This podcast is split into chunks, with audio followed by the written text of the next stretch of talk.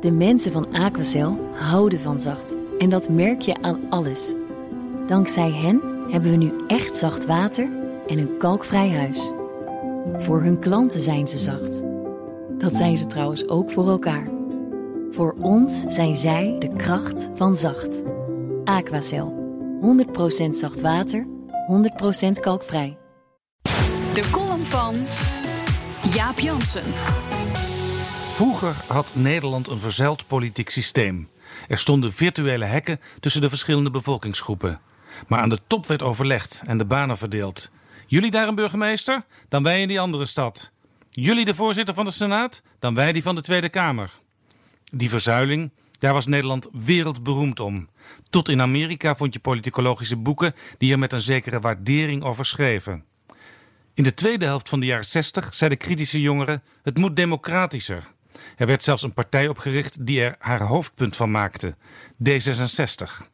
Een dikke 50 jaar later kun je zeggen dat die verzuiling echt voorbij is. Verkiezingsuitslagen zijn niet meer te voorspellen en benoemingen van burgemeesters of kamervoorzitters worden niet meer voorgekookt. Maar restjes van het verzuilde systeem smeulen nog na.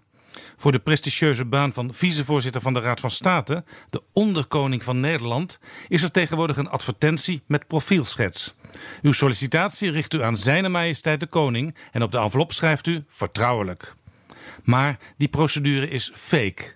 In de kabinetsformatie is afgesproken dat niemand vanuit de coalitie bezwaar zal maken als D66-senator Tom de Graaf zich kandideert. Na tientallen jaren vicevoorzitters uit PvdA en CDA is het nu tijd voor iemand van een andere partij. En de VVD heeft al veel topfuncties, luidt de redenering. Een aantal leden van de Raad van State heeft nu laten lekken dat ze liever Jeroen Dijsselbloem willen, de oud-minister van Financiën van de PvdA. En een aantal Wim van der Donk van het CDA, nu commissaris van de Koning in Brabant.